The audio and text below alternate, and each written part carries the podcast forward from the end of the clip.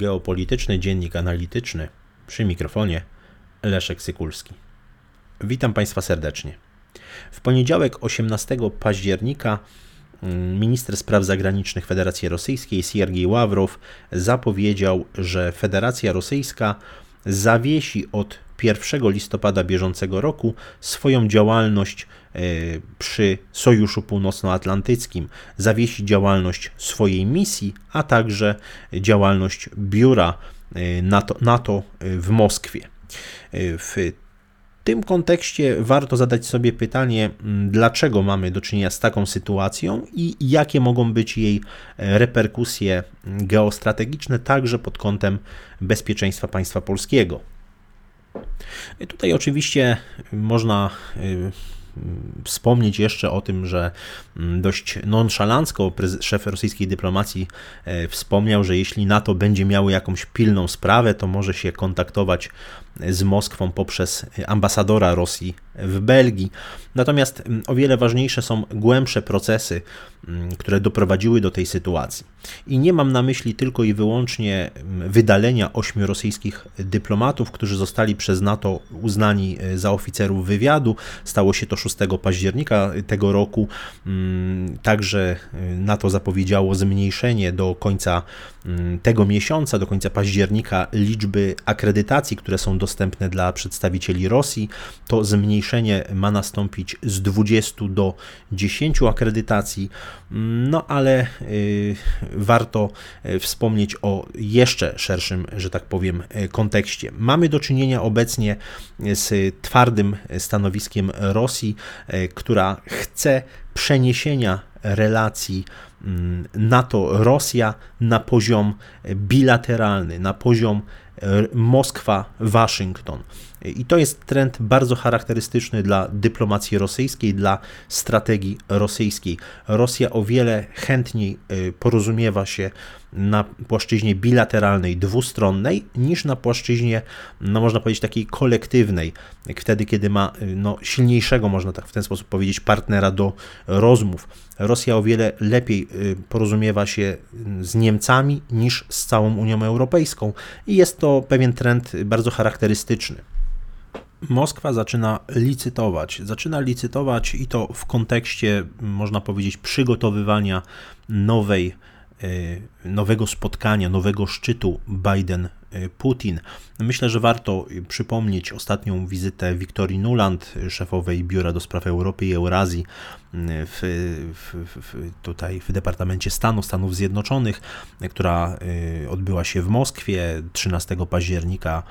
Dmitrij y, Pieskow, y, rzecznik prasowy Kremla, zresztą podsumował te, to, te spotkania, liczne spotkania, które Nuland odbyła w, w Rosji, mówiąc, że Stany Zjednoczone i Rosja doszły do porozumienia w sprawie Donbasu. Chodzi konkretnie o zadeklarowanie, że Donbas powinien mieć specjalny status wewnątrz Ukrainy.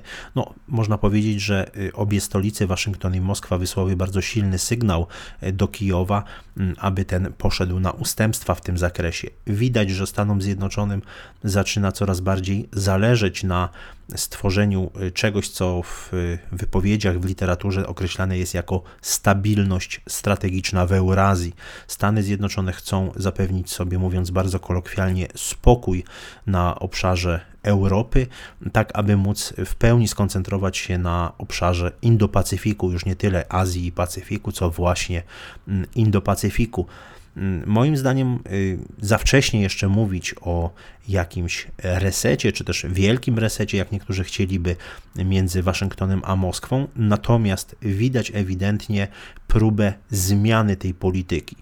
Mm, próbę zmiany tej, e, tej nie, niekoniecznie narracji, co właśnie realnej polityki. Myślę, że Moskwa odczytuje mm, politykę administracji Bidena jako taką, która zwiększa możliwości e, dyplomatyczne Federacji Rosyjskiej, zwiększa możliwości do lewarowania pozycji Moskwy na arenie międzynarodowej. E, myślę, że po pierwsze przedłużenie o kolejnych 5 e, lat układu Nowy Start aż do 5 lutego 2026 roku, które miało miejsce w lutym tego roku, już było takim istotnym sygnałem, że Amerykanie chcą tej stabilności strategicznej, że te kolejne rundy rozmów w Genewie zresztą tylko to potwierdzają. Fakt, że w czerwcu tego roku spotkali się Joe Biden i Władimir Putin i właściwie jak równy z równym rozmawiali mimo sankcji, które są nałożone przez Stany Zjednoczone i inne kraje zachodnie na Rosję po aneksji Półwyspu Krymskiego w 2014 roku, mimo tych wielkich manewrów, które były bardzo nerwowo odbierane, zarówno nie tylko w Kijowie, ale także w Warszawie czy w innych stolicach europejskich, doszło do tego spotkania na szczycie właśnie w Genewie. I widzimy tutaj te tendencje, tę chęć Stanów Zjednoczonych do zmiany tego stanowiska. Tego stanowiska, które prezentował jeszcze chociażby prezydent Donald Trump. Warto y, spojrzeć także na relacje amerykańsko-rosyjskie mm, w kontekście chociażby wspólnej rezolucji, e, którą oba kraje y, złożyły w ONZ, i to rezolucji w sprawie tak istotnej jak cyberbezpieczeństwo cyberbezpieczeństwo. Mm, zarówno mm, Moskwa, jak i Waszyngton właśnie przedłożyły Zgromadzeniu Ogólnemu Organizacji Narodów Zjednoczonych taki projekt wspólnej rezolucji y, w sprawie zachowania państw w cyberprzestrzeni.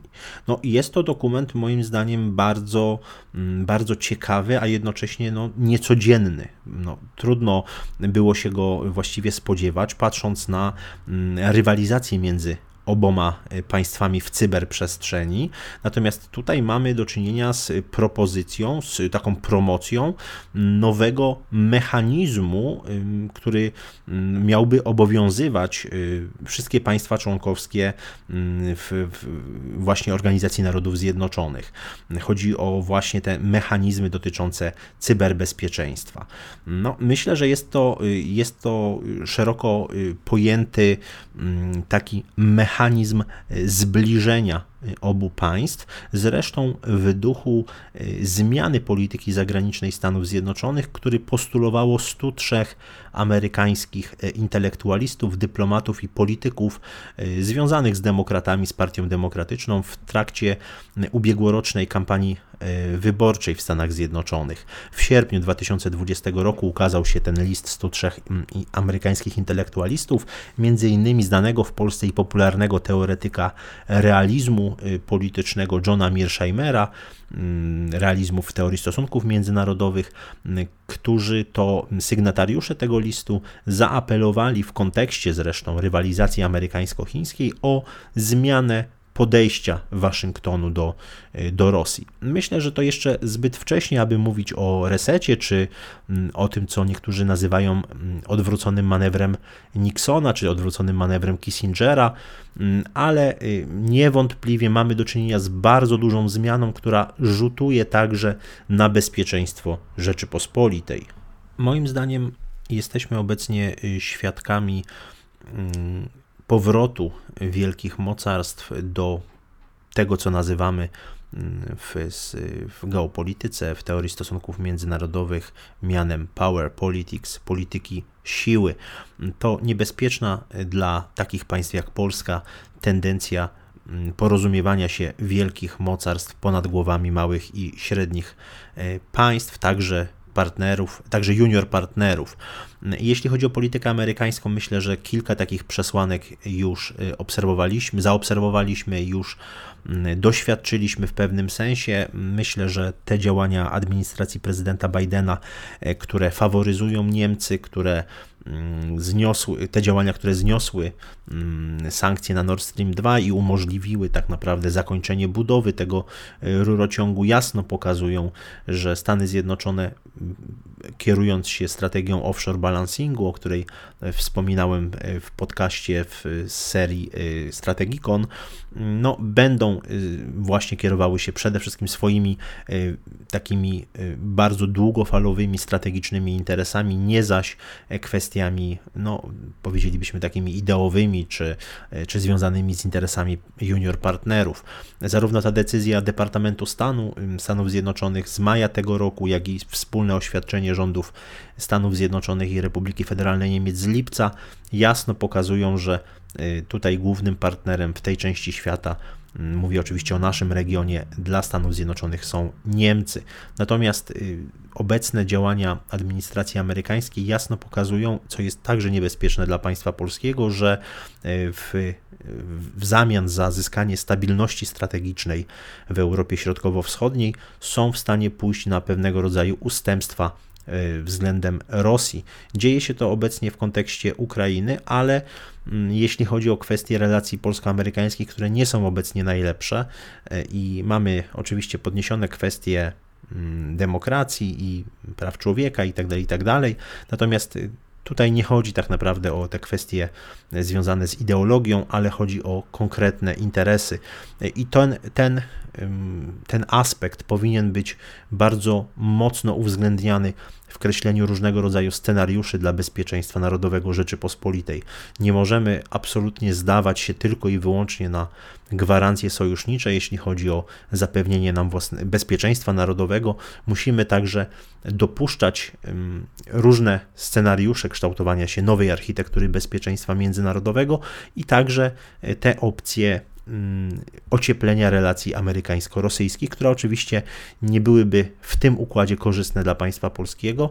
Natomiast no, nie możemy oczywiście zamykać oczu na tego typu procesy i mm, moim zdaniem mamy do czynienia z początkiem właśnie takiego procesu e, przechodzenia z relacji e, kolektywnego Zachodu e, i Rosji na rzecz Stanów Zjednoczonych i Rosji, czyli przejścia z relacji NATO-Rosja na relacje USA-Rosja. Dziękuję Państwu za uwagę.